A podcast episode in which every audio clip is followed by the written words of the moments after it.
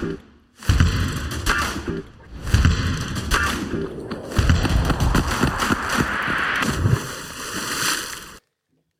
lytter til Idretten vil. Johan Konradsson er her. Hei, hei. Og Knut Harald Sommerfelt er her. Og det er 8. mars. Det er kvinnedagen, det. Ja, så gratulerer med dagen, alle kvinner der ute. Og vi har jo selvsagt likestilling og mangfold i idretten på agendaen. Kvinnene i idretten er eh, Ja, det er jo fokus på ledere, trenere og utøvere, egentlig. Vi har idrettspresidenten i studio. Vi skal høre bl.a. fra sportssjef eh, for hopplandslaget, Claes Brede Bråten, og eh, Linda Eng Strand fra Norsk Tipping. Så jeg sier bare la jentene fly. Ja, og fly det har de jo ikke alltid fått lov til. Historisk sett så har ikke kvinner fått vært med i det hele tatt, egentlig. Eh, konkurrere i OL på ski, først 1952. Og da var det veldig viktig å se pent ut. Ja, det skulle være estetisk. Det skulle Ja. være pent. Og folk som kalte seg eksperter, påsto at hvis en kvinne løp mer enn eh, en engelsk mil, så ville hun forsake uopprettelig skade og antageligvis aldri kunne få barn. Så eh, først i 1984 ble det avholdt maraton for kvinner i et OL. Ja, og det samme var faktisk i Vasaloppet. 81 var første gangen de fikk eh, lov å være med som på ordentlig. Det var en som juksa seg inn med mustasje noen år innan. Eh, men man trodde alvorlig det tåler ikke damer. Ja, og eh, altså sånne holdninger, de, de eksisterer vel ikke på eh, 2000-tallet? Eller gjør de det? Don't forget, it's like jumping down from, let's say, about two meters on the ground about a thousand times a year, which seemed not to be appropriate for ladies uh, from a medical point of view. Dette var eh, Gianfranco Casper, eh, tidligere presidenten i det internasjonale skiforbundet, helt fram til eh, 2021. Han sier altså her at skihopping er ikke ment for kvinner fra et medisinsk standpunkt. Det kan rett og slett være helsefarlig for dem. Derfor får ikke kvinnekroppen være med. Og det, altså det høres ut som det er 100 år siden noen sier dette her. Men dette her sier han langt inn på 2000-tallet. Og, og dette er den retorikken som går igjen og igjen. Og idrettspresident Berit Kjøll, velkommen til Idretten vil. Tusen hjertelig takk. Du sitter jo i styret i eh, Den europeiske olympiske komiteen som representant for Norge. Og når du er ute og reiser sånn internasjonalt og møter maktens menn, er dette holdninger du møter? Det er jo ikke lenger enn i høsten 2019 at jeg var på mitt første møte i eh, EOC, som er paraplyorganisasjon for alle de nasjonale olympiske komiteene i Europa. Eh, og der var det generalforsamling, og da skulle det behandles om hvorvidt man ønsket eh, å ha en kvotering av kvinner inn i styret. Eh, og da jeg, tok jeg ordet og mente sterkt at det måtte man gjøre, og legge listen høyere og mer ambisiøst enn hva det var. Eh, og fikk eh, etter noen flere runder eh, flere med meg, og vi fikk gjennomslag. Og det gjorde jo også at jeg kom selv, ble valgt selv inn i det styret. Så det er klart det har skjedd mye bare på de få årene jeg har vært med. Mye positivt, men også i IOC-sammenheng og EOC, hvor jeg da sitter, så opplever jeg at eh, det har skjedd en, en voldsom eh, hva skal jeg si, eh, voldsomme skritt i riktig retning på utviklingen. Ja. Men, men går det fort nok, egentlig? Nei, Det kan jo vi si som kommer fra et av verdens mest likestilte land, at det gjør det jo ikke. Men, men bare i de tre og et halvt årene jeg har vært med inn i EOC, så har det skjedd veldig veldig mye. Vi har jo ulike kommisjoner. Vi har en egen kommisjon som bare setter fokus på likestilling. Og det, det setter ordentlig fart i serken, som jeg bruker å si. Så det har skjedd mye, og det skjer veldig mye på området. Så jeg tenker at vi er i en unik bra posisjon nå, selv om vi ligger langt etter på mange, mange områder. Det er godt å høre. Eh, og du gikk jo inn i dette arbeidet som eh, idrettspresident med en energi og et pågangsmot, og du, du forteller jo ganske tidlig at likestilling, idretten, det er en av dine hjertesaker. Ja, det har egentlig vært en av mine hjertesaker opp gjennom absolutt alle år, uansett hvor jeg har vært. Og jeg har vært en av de jentene som har rukket opp hånda og blitt pekt på og tatt utfordringer. Så for meg har det å være leder det har handlet om egentlig at det er dobbelt så moro å være leder, sier jeg til jenter som jeg prøver å, å dra med meg. Eh, og i idretten så ble jeg veldig overrasket, for jeg kommer da i hovedsak fra næringslivet. Og der var det, sto det jo skikkelig dårlig stelt til med, med kvinne, kvinnebalanse og kjønnsbalanse. Men det sto jo enda dårligere til i idretten, så det ble jeg veldig overrasket over. Så når vi gikk inn og, og så på mm, status i blant styreledere innenfor kretser og særforbund, så var jo det nede på 12 prosenttallet. Eh, med kvinner i innslag. Så da la vi listen i idrettsstyret opp til 40% og svelget flere ganger og sa at der må vi legge den, og vi må ha det som en ambisjon at vi når det innen utgangen av 2023. Og nå er vi i 2023, mm. og ved siste måling i fjor så, så var jeg veldig spent, og vi ligger jo da og vaker under 30-tallet, så det har jo skjedd veldig mye på denne tiden. Og så får vi jo se om vi klarer å komme oss opp på 40 ved utgangen av dette året. Men det aller viktigste det er jo alt det positive som skjer på området, og bevisstgjøringen fra veldig mange, eh, veldig mange organisasjonsledd. Eh, og kanskje enda sterkere nå enn var før. Mm. Ja, det må til eh, i særforbundet må det vel til en sånn ni personer. Pluss at vi har igjen de som, som eh, da er kvinner og, og, presidenter, for at det skal opp på 40% der? Ja, altså Hvis vi tar et, et tall da, for hele ja. idretten, så mm. er den nå på 28% på styreledernivå. Det, mm. gjelder alle organisasjonsledd. Mm. Og så er den på, på 27% hvis vi runder opp fra 26,5 mm. eh, mm. på alle administrative ledere. Så det er klart dette er tett opp til 30% så vi har fortsatt en vei å gå, men vi må også huske hvor vi kom fra. Så, mm. så, jeg opplever og er veldig glad og takknemlig for den bevisstheten som er rundt å ville dyrke frem kjønnsbalanse i hele norsk idrett nå. Vi er mm. ordentlig oppe i et godt tempo, opplever jeg. Det er bra. Og der har du vært en, en foregangskvinne. Du framstår eh, som solid og kunnskapsrik, men altså, du sier at du rakk opp hånda. Eh, hvorfor velger du å engasjere deg eh, som kvinne i norsk idrett? Nei, Frivilligheten har alltid betydd veldig mye for meg. Jeg har vært, hatt et, en fot inn i frivillighet helt fra jeg var veldig veldig ung. Og, og, det, og det, er veldig meningsfylt å, å, drive og være frivillig leder samtidig som man, som man, da har drevet med et yrke opp igjennom.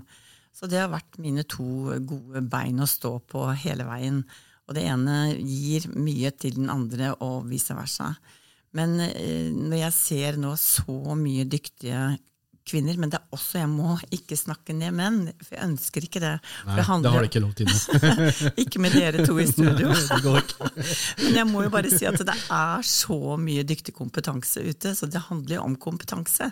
Men vi vet jo da at den kompetansen jo en, er jo en skjult ressurs i så mange kvinner som ikke har rukket opp hånda, eller blitt trukket inn i lederverv.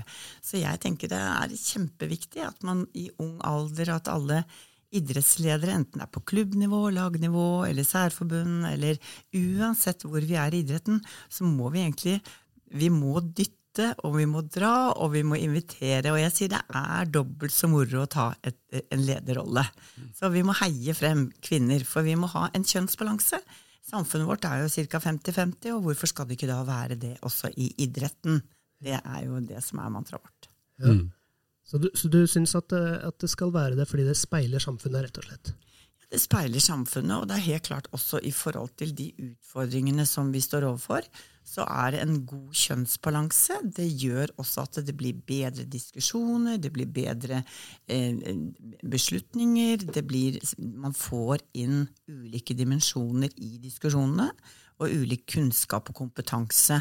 Og man mister jo så mye ved å ikke ha en, en, en god balanse i, i kjønnssammensetning, uansett, uh, uansett hva man skal diskutere eller hva man driver med. Har du møtt på noen motstand på veien som kvinne, som rekker opp hånda?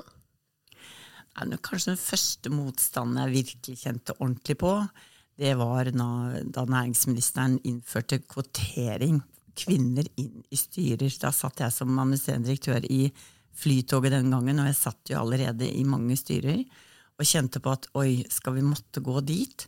For jeg tenker at det å bli valgt inn i et styre, eller bli valgt inn fordi du er kvinne, det er jo ingen god følelse. Men jeg har jo skjønt i ettertid at det var nødvendig eh, å gjøre for nettopp å sette det fokuset på det. Og jeg ser også nå i idretten, så har vi selv satt eh, noen tydelige mål. Men det er klart, man når jo aldri noe sånn veldig bevisst sted hvis ikke man setter et tydelig mål, og, og samtidig vet hvor man er. Det handler om begge de dimensjonene. Og jeg bruker å si at vi Eh, vi damene vi er mye flinkere til å si hvor vi er enn gutta. Gutta vil ofte de vil gjerne et sted, men det er også noe med å ha kombinasjonen og vite hvor man er når man skal sette seg et tydelig mål og jobbe systematisk mot det. Men nå opplever jeg at vi er alle om bord der, uansett kjønn, også idretten. Så bra. Eh, jeg tenker på dette med, altså Nå snakker vi om styrerommet og, og valgte ledere. Men jeg tenker ofte på eh, Norges beste idrettsutøvere og, og de verdensstjernene vi har som, som, forbilder, og som har en enorm rekkevidde. Eh, det jo, eh, de gir jo dem en mulighet til å påvirke effekt, effektivt i saker de brenner for. Eh, har du gjort deg noen tanker rundt det? Å ja, absolutt. Og jeg tenker våre flotte eh, idrettsutøvere er noen rollemodeller og ambassadører for så mye, rett og slett. Men også det med kjønnsbalanse. Altså det, er, det, blir jo utrolig viktig at vi klarer å løfte de frem og gi de det rommet som de nettopp kan være med og gå foran på. Du har jo mange gode eksempler på det. Den siste nå, Vi snakket om hopp eh, innledningsvis, og vi ser hva Maren har fått til der i, med tanke på å løfte den problemstillingen som hun har gjort, og hvordan hun har stått frem på en forbilledlig måte. Og jeg gleder meg til å møte henne senere i dag i en, en debatt. Og hun har jo en, en, sportssjef også, som heter Claes Brede Bråten. Og han, han er vond å gjøre, ha med å gjøre når han opplever urettferdighet. Eh, bare hør her. Skråblikket. Personlig så er, har jeg liksom blitt litt lei av litt hver gang noen spør hvordan det går med Opplandslaget, så må jeg alltid begynne med å fortelle hvordan det går med jentene. Fordi at dem mener alltid gutta. Fire-fem åra så har vi jobba som ett lag. Skal vi ikke bare ta ut ett landslag, da? Så kunne jeg slippe å presisere at eh, det går bra med jentene òg, eller at det er jentene det går bra med og gutta sliter litt. Noen spurte åssen det går med laget. For det var alltid gutta de mente. Så når dette ble kjent, så plutselig så skulle BBC ha dette her, live. 250 millioner TV-seere. Det var liksom helt sensasjonelt, da, at vi hadde ett landslag. Poenget var jo i utgangspunktet ikke likestilling. Poenget var jo å ta ut potensialet i idretten vår. Og, og siden det ikke var jenter omtrent i idretten vår på begynnelsen av 2000-tallet, så mente man jo at det er jo en, en stor svakhet. Men når vi da starta med det her, så var det for å øke potensialet. og Derfor så var det også lettere å få med miljøet på å tenke at ok, vi må, vi må bygge opp jentene. Jeg har jo egentlig aldri sett meg sjøl som sånn veldig likestillingsorientert person, men jeg hater urettferdighet. Jeg blir så utrolig bond å ha med å gjøre når jeg, når jeg opplever urettferdighet, og det er det jeg har opplevd så ekstremt mye. Du har så troa på dette konseptet med jentene og så skal de ikke få like muligheter til å ta ut potensialet sitt. Se hoppinga på Lillehammer i dag. Det er mye bedre det jentene gjør i dag, med tryggere utstyr i finere bakker, enn gutta dreiv på i 2012. Og så, og så sitter det noen der ute og sier at nei, eh, jenter skal ikke få hoppe skiflygning. Og det er jo en elefant i rommet, ikke sant. Det er jo det som er greia. Og jeg frykter at det er at det sitter noen stusslige mennesker rundt omkring i verden og tenker at skihopping er ikke tøft lenger, vet du, hvis jenta hopper. Så ille er det, tenker jeg da. Så ille er det. Eh, hva tenker du om det, Berit? Nei, jeg tenker, når jeg hørte, hørte, dette innlegget her, så tenkte jeg meg selv inn i styrerommet i EOC, hvor det var en utrolig skepsis til nettopp å slippe flere kvinner inn i rommet men hvor vi nå får bekreftet etter hvert styremøte hvor glad de gutta er for å ha fått damene om bord inn i styrerommet. Og det er jo det det handler om. Når vi ser utviklingen innen de ulike idretter, så er det veldig mange idretter som jo er likestilte, og hvor det er samme nivå tilrettelagt like godt for kvinner og menn. Og, hopp er jo da et, Når jeg hører dette her, så er det jo, det er jo helt eh, tragisk å høre det. Men det gjøres jo det at vi da kan gå foran som hoppnasjon med de kraftige forbildene som jeg også nå har referert til.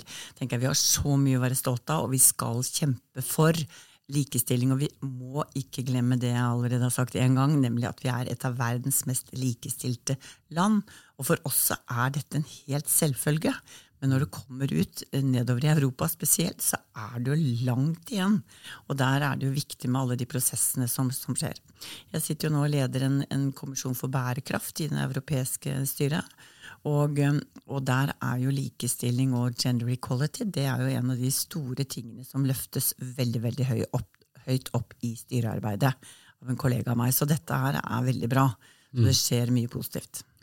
Mm. Og nå får kvinner hoppa skiflyging i raw air, så da er vi kanskje i mål, da. Siste skansen, eller?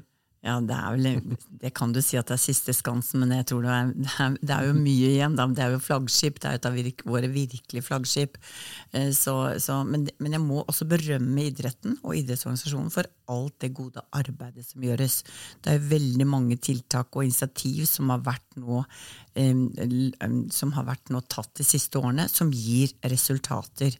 Det er bl.a. dette med å ha mentorordninger eller nettverkssamlinger, eller sette fokus på dette. Og det er jo også mange mannlige menn hva sier jeg? Mannlige menn? Ja, ja, ja, ja, det er veldig mannlig å være litt sånn omtenksom. Det er viktig. Ja, det var helt feil. Mannlige menn, det var ny. Men det er mange mannlige ledere som også brenner for å jobbe frem kvinner. Og som brenner for å rekke opp hånda og ville være med på nettverkssamlinger, være med på frokostmøter, være med i utvalg som nettopp skal være løfte kvinner frem. Og det mm. tenker jeg er så positivt. Og nå kommer jeg akkurat fra et møte, for vi har møter nå med alle ledelsene, altså hele ledelsen i alle særforbundene. Eh, og, eh, og der, der, utfordrer vi også på hvordan står det til med kjønnsbalanse i særforbundet hos dere og i klubber og. Og, der er det veldig mange, mange, som kommer opp med gode eksempler på hvordan de jobber. For eksempel i dag har jeg vært i hockey eh, på, og, og, kjent tettere på hvordan ishockey jobber med kjønnsbalanse. Glitrende eksempler. Og det er mange av dem alle særforbund har, har, noe som de jobber for med på området kjønns, kjønnsbalanse. Det er veldig, veldig bra. Og så er det vel kanskje noen sånne generelle utfordringer også som, eh, som, man møter på. Altså, vi har lest en sånn doktoravhandling, eller i hvert fall en, eh, et sammendrag av, eh, fra doktorgradsstipendiat Hanne Sogn, hun har vært tidligere generalsekretær i Basketballforbundet og Klatreforbundet og aktuell med denne avhandlingen om likestilling i idretten. Hun mener mannsdominansen blant toppledere i norsk idrett er et problem, og hun peker på den hektiske hverdagen der ledere må være tilgjengelige 24-7, som kanskje den største utfordringen. Har du følt på det? Eh, ikke personlig, men altså, vi jobber jo alle som er i, engasjert i idrett, enten det er frivillig eller du jobber her. Eh, så er det klart at du blir det er, jo, det er jo interessen din, så du har et eget engasjement også som går utover det at det er vanlig, et vanlig arbeid. Og, og, men det er klart det er veldig mange av lederjobbene og trenerjobbene hvor du er ute med 230 reisedager i året. Det er klart dette er vanskelig å forene hvis du er en familiemor.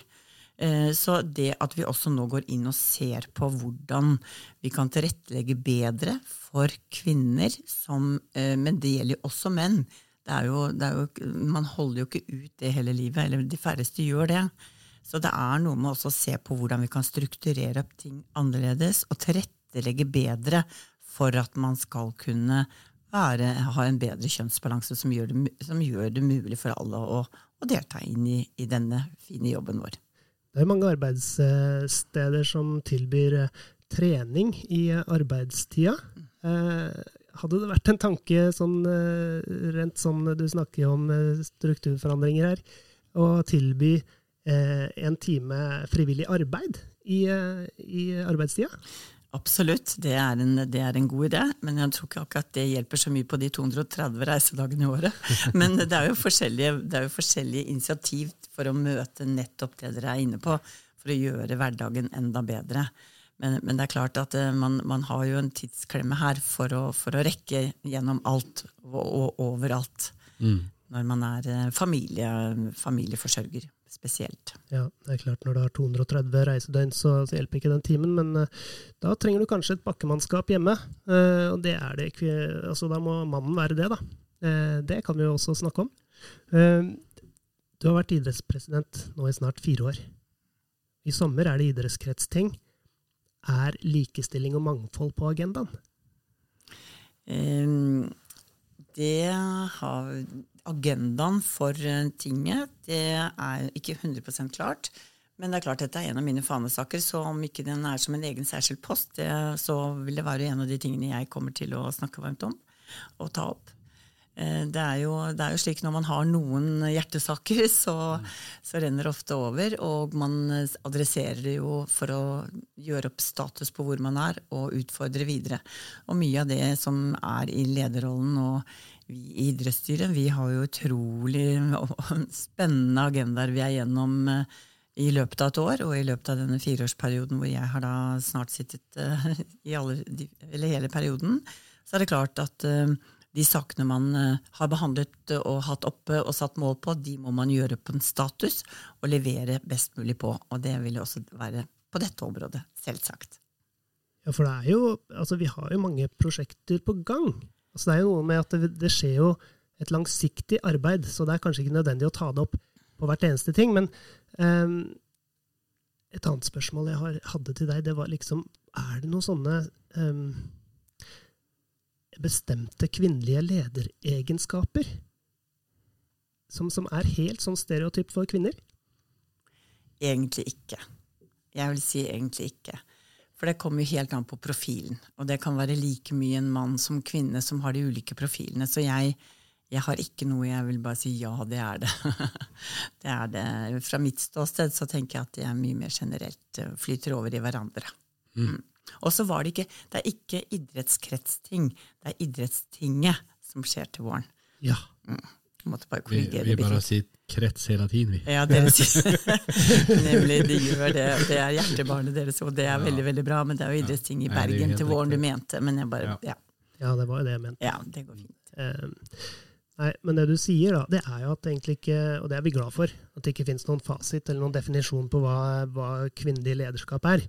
Um, men det er jo viktig å ha forbilder av ulikt kjønn. Um, Johan, er det, mm. er, det noen, er det, noen, kvinner i idretten du tenker på som har gjort en god jobb? Eh, bortsett fra Berit, da.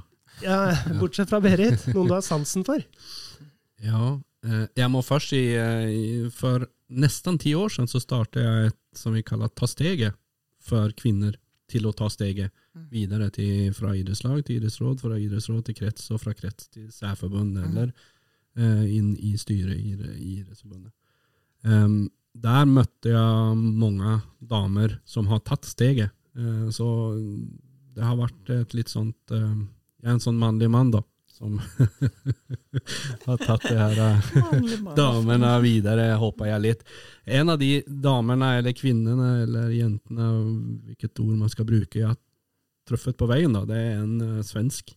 Malin, som er gift med en norsk, da, som heter Foløp, i Fett idrettsråd og i eller, Lillestrøm idrettsråd og i Fett idrettslag, og som har tatt bruker veldig mye av sitt engasjement til å løfte opp ungdommer inn i et uh, ledertilbud som vi har i kretsen. Da. Hun er en forbilde. Hun jobber veldig godt og veldig mye. Det er godt å ha ja, Det er viktig å ha mm. flere forbilder. Eh, jeg tenkte vi skulle høre fra to av de som har eh, stukket deg ut, som er ganske unge, og, tatt et steg inn i, i uh, styrerommet i mannsdominerte idretter. Det er Malin Fransen Nøyseth. Um, I 2020 ble hun valgt inn som det yngste styremedlemmet i Norges Fotballforbund noensinne. Og Sigrid Johanna Snuggerud, som allerede som 23-åring sitter nå bl.a. i styret i Norges Skiforbund.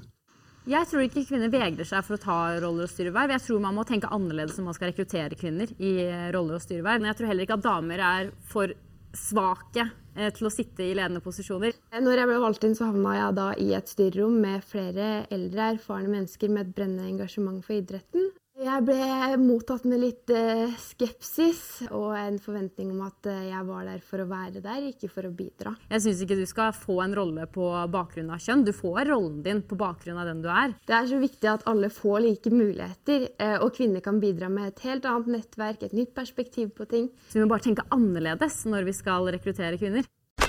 Ja, Hva syns du om disse perspektivene, Berit? Jo, jeg likte det. Det er friske jenter. Og det er jo så mye bra folk i idretten og på ledernivå. Eh, og jeg vil også slå et slag for mennene. Men nå snakker vi om kvinner for å få frem flere kvinner. Og jeg er skikkelig stolt når jeg ser alle de unge, dyktige, men også godt voksne kvinnene som gjør en skikkelig, skikkelig bra jobb i norsk idrett. Vi har veldig veldig mye å være stolt av, og jeg syns det er også ekstra gøy når jeg ser de nye kvinnelige styrelederne som kommer inn og tar tak og blir dyttet litt frem og, og tar rommet. Det er veldig, veldig motiverende. Men vi har alle en jobb å gjøre for å få frem ungdommene. Og det at jeg definerer ungdommene som våre endringsagenter. Og det at vi får frem flere kvinnelige ungdommer eh, som ledere fra tidlig alder av, det er viktig, og her har vi alle et ansvar. Så jeg heier på alle idrettslag, alle organisasjonsledd, for å få frem kvinner og sette på agendaen. Kvinner, vi trenger dere. Mm. Mm. Og, ja, for det er jo umoderne å ikke tenke kjønnsbalanse også i idretten det er, det, er, altså, det er, jo ikke et tema. Vi må, bare, vi må bare fosse frem med enda større tempo på dette området. Og de vi nettopp hørte, de er jo et resultat av en ny satsing som er satt i gang. Og dette er satsingen Vi trenger deg.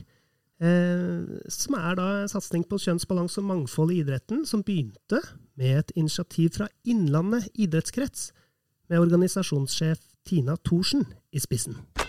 Hva var det som gjorde at, uh, at dere satte i gang satsingen som i dag uh, heter Vi trenger deg?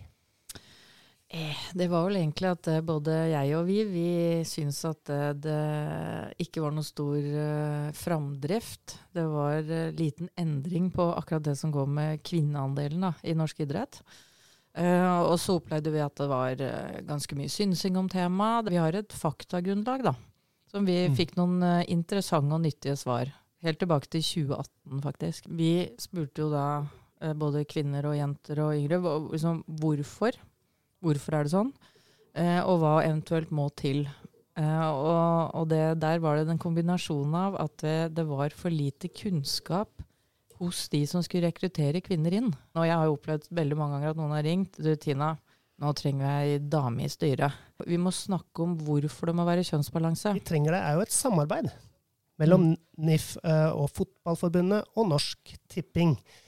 Og eh, Linda Eng Strand, leder for eh, spons, samfunnsansvar og event i Norsk Tipping. Hvorfor er Norsk Tipping med på denne satsingen? Jo, for Norsk Tipping så er det veldig viktig å ta et samfunnsansvar utover det som er forventet av oss, og vi har da det inne i alle våre sponsoravtaler.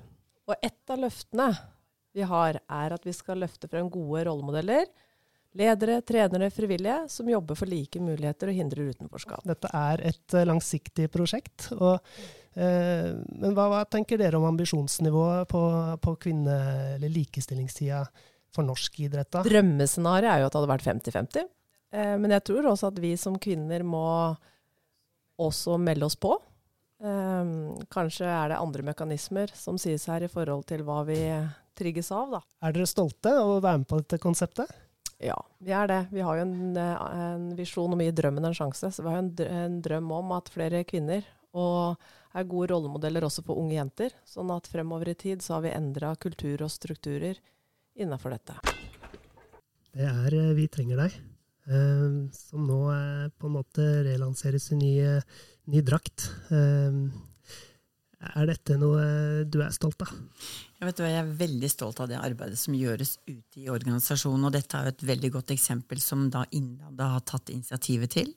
Eh, tidligere het det Gnist, og det fikk jo en ordentlig fart på seg. Bare navnet var veldig veldig bra. Og nå går vi over til å kalle det for Kvinner vi trenger deg, eller Vi trenger ja, dere. Eh, og, og som vi lanserer her nå i dag, på 8. mars 2023. Og jeg er skikkelig stolt av det initiativet. Og det er jo summen av denne type initiativ som gir resultater. Eh, og eh, vi har mye å være stolt av. Vi er godt i gang. Eh, vi, vi er i en, i en, god fart her nå.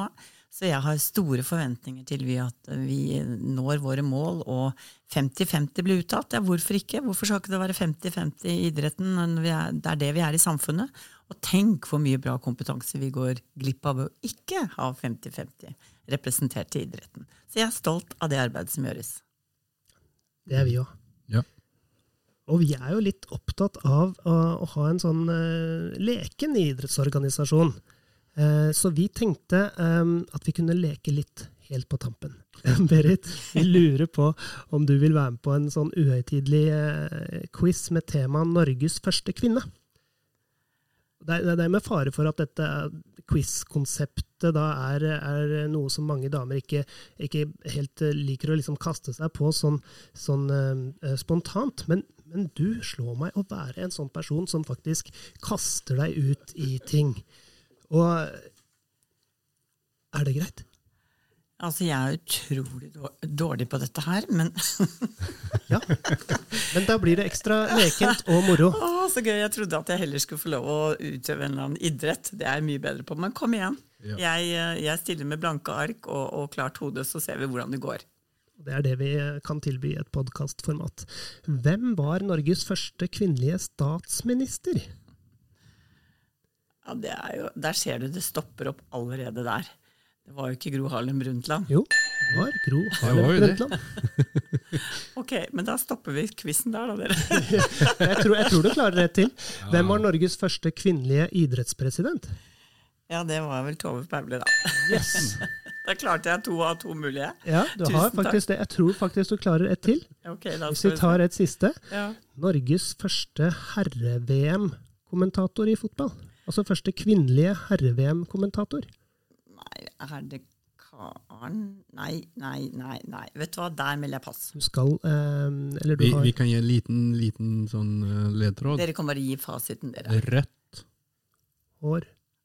Lise Klaveness. Ja. og dyktige Lise. Ja, det måtte vel være henne. Ja, Vet du hva, Hun er jeg bare så stolt av å være kollega med. Ja, det, det var bra jobba også. Eh, så du viser faktisk at du er en sånn kvinne som liker å bare kaste deg ut i utfordringer. Eller Nei, kaster deg ut i den, men kanskje ikke liker det, da. Quiz er jeg ikke så innmari god på, men det, gikk jo, det var jo enkelt, da. Greit. Berit, vi er eh, supertakknemlige eh, for å ha deg her på kvinnedagen. Helt til slutt, hvordan ser idretten ut når vi har lykkes med likestillingsarbeidet? Og nei, Det er jo langs veldig mange dimensjoner, men jeg tenker bare det at vi kan en dag si at det er 50-50 balanse i, i, ledelse, kjønnsbalanse, på ledernivå, på trenernivå og på utøver bredde toppnivå. Jeg gleder meg til vi kommer dit, for dit må vi komme, tenker jeg. Men tusen takk også til dere for at jeg ble invitert. Du er et forbilde for mange unge og framtidsretta kvinner og menn. Eh, og du kjemper for idretten hver dag, om det er eh, likestilling og mangfold, eller mange andre viktige utfordringer i idretten og samfunnet. Og vi vil ønske deg lykke til med alt du gjør. Og så håper jeg at eh, pila da, peker i en retning av bedre vilkår for alle de som velger å engasjere seg. Idretten vil oppfordre deg til å gi oss tilbakemeldinger, og ikke minst følge denne podden. For det skjer masse spennende idretten framover. Vi høres!